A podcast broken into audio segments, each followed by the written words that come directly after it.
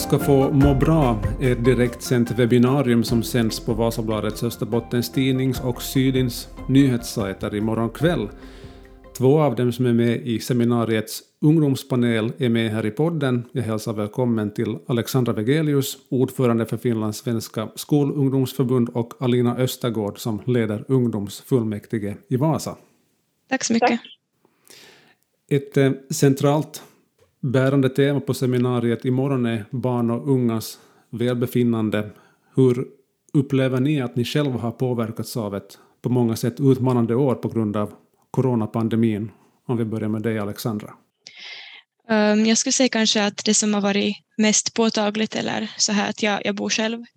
Så att just det har varit väldigt mycket distansjobb och, och så här så alla dagar blir lite på samma sätt, speciellt om man sen bor på 25 kvadrat så känns det som att man äter i sängen och man typ sover i köket och, och så här att allting händer som på ett och samma ställe så att det blir som väldigt svårt att få en fungerande rutin kanske på så här där det är väldigt mycket distans och sen förstås socialt umgänge så är ju nog någonting som påverkar väldigt mycket och sen har vi haft ganska tur med jobbet för att vi är så få så vi ändå kunnat ganska, ganska långt hela tiden träffas men jag skulle nog säga att det kanske var det mest påtagligt.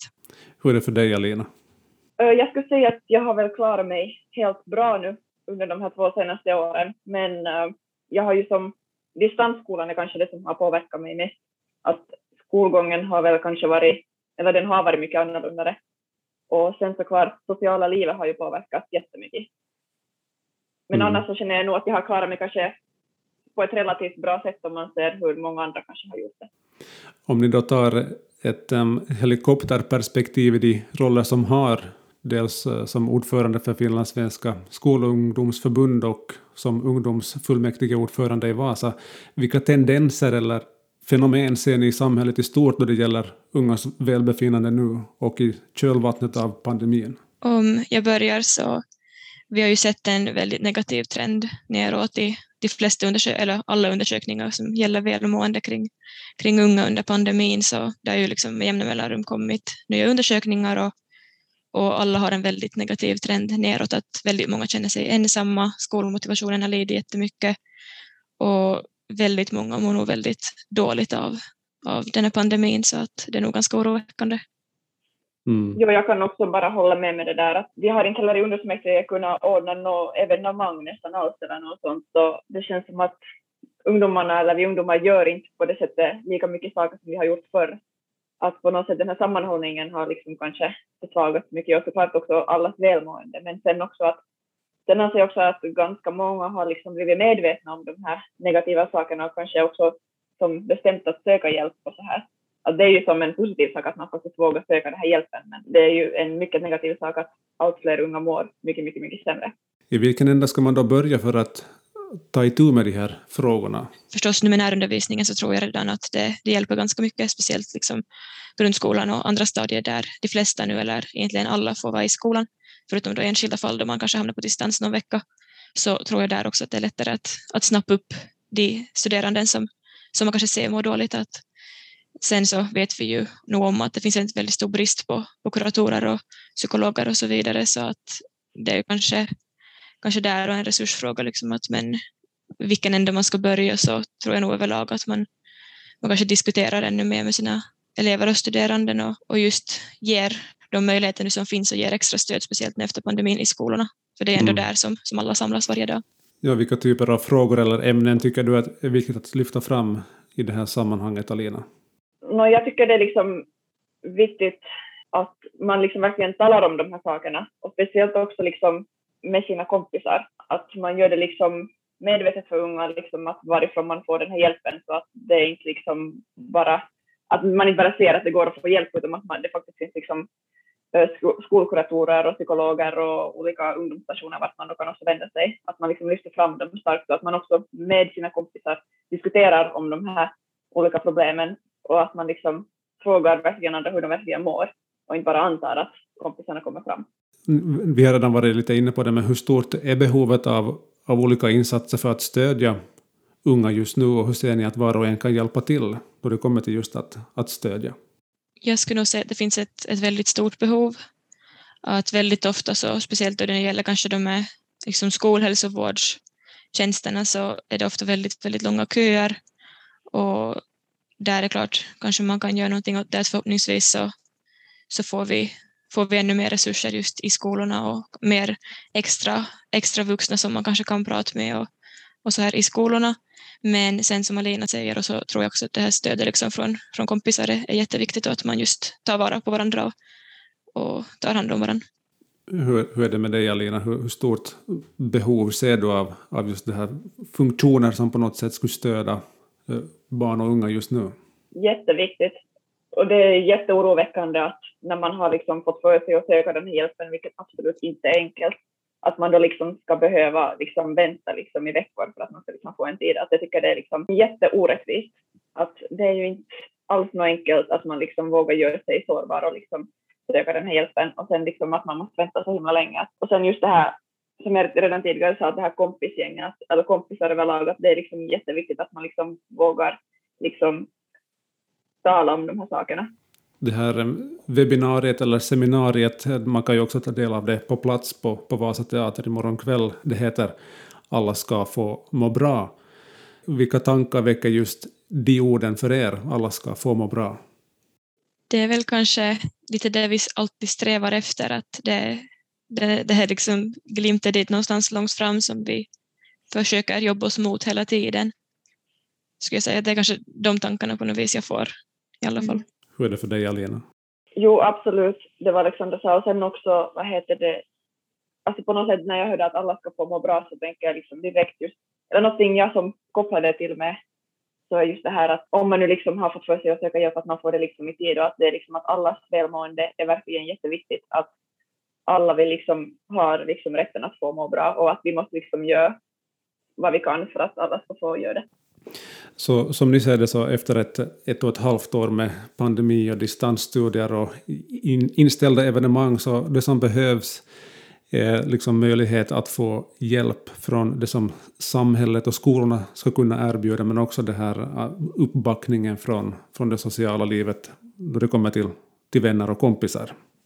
Och också något som jag också tänker på, just det här att inte bara det liksom att man får liksom hjälp av liksom skolkuratorer eller något sånt här, men bara det att man liksom får kanske känna att man liksom faktiskt lever ett liv och att man har liksom ett socialt liv och att man får göra de här sakerna som man förr gjort. Att det bidrar ju jättemycket till ens välmående. Det är viktigt att vi så småningom liksom får börja komma till något normalt.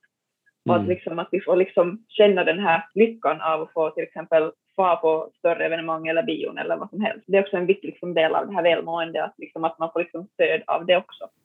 Nu upplever ni båda två att det nu den här hösten finns liksom en, en, en ljusglimt och potential att det ska kunna bli en något sån här normal höst?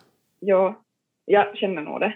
Eller liksom nu när alla, eller de flesta börjar få liksom vaccinen och så här så på något sätt känns det som mera tryggande.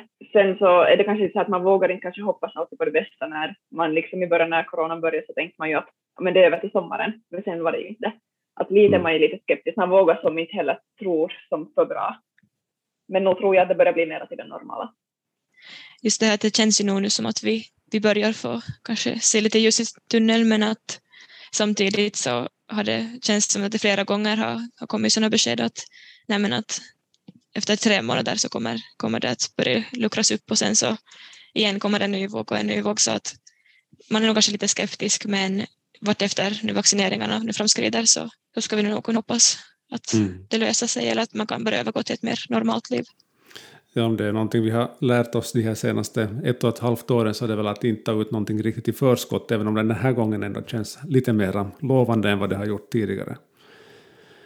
Um, under seminariet imorgon då så diskuteras hur man kan skapa en plattform för att hantera känslor, säga och bekräfta ungdomar. Det är ett av teman i, imorgon kväll. Hur tänker ni kring det här att skapa en plattform för att hantera känslor, säga och bekräfta ungdomar?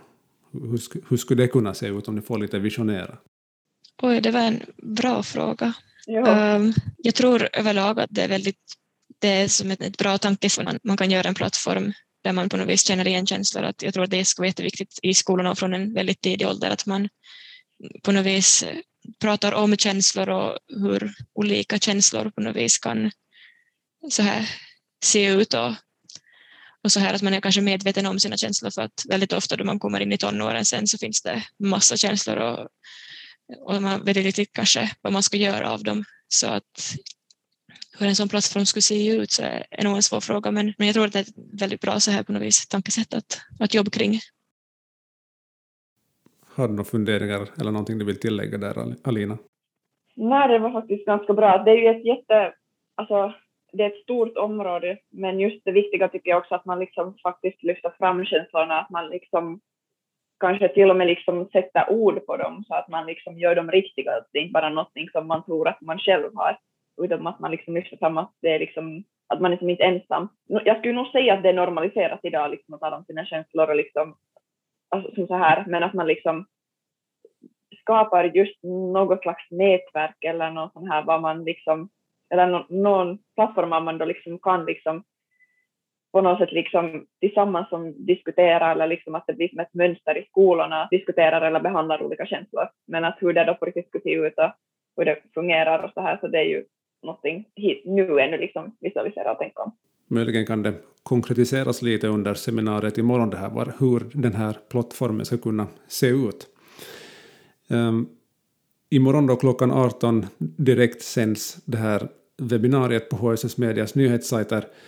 Är det någonting ännu, Alina och Alexandra, som ni skulle vilja om ni skulle vilja skicka en hälsning till poddens lyssnare eller till den publik som tar del av morgondagens seminarium på plats eller på distans? Alltså jag tycker att det här är ett jätteviktigt uh, seminarium med ett jätteaktuellt och viktigt tema. Så jag hoppas ju själv att vi får så mycket ut av det som möjligt. Jo, jag håller, håller nog med Alina och, och jag hoppas ju att de som lyssnar på den här podden och kollar på seminariet sen att, att det, och samtidigt ska det bli jätteroligt att få, få sitta framför lite live-publik igen. Måste ju ändå så här säga för, för egen del. Mm, för det är ju ganska länge sedan vi har fått varit med om något sånt, så bara, bara den saken blir ju säkert en, en bra känsla. Tusen tack Alexandra Vegelius och Alina Östergård för att ni var med i, i podden. Tack. Tack. I det här sammanhanget vill jag passa på att tipsa om att du på vasabladet.fi lyssna förstås hittar de senaste avsnitten av Bakom rubrikerna men också podden Världens bästa skola. Den podden riktar sig till vårdnadshavare eller du som annars är intresserad av skolan. Inbjudna experter, lärare och elever hörs i samtal med Johanna Stenback och Jenny Teir kring ämnen som berör skolan, eleven och hemmet. Den podden är en del av utvecklingsprojektet Hållbar kommunikation. Vasabladet.fi lyssna är adressen. Mitt namn är Patrik Sjöholm. Tusen tack för att du har lyssnat på Nyhetspodden. Vi hörs snart igen. Hej då!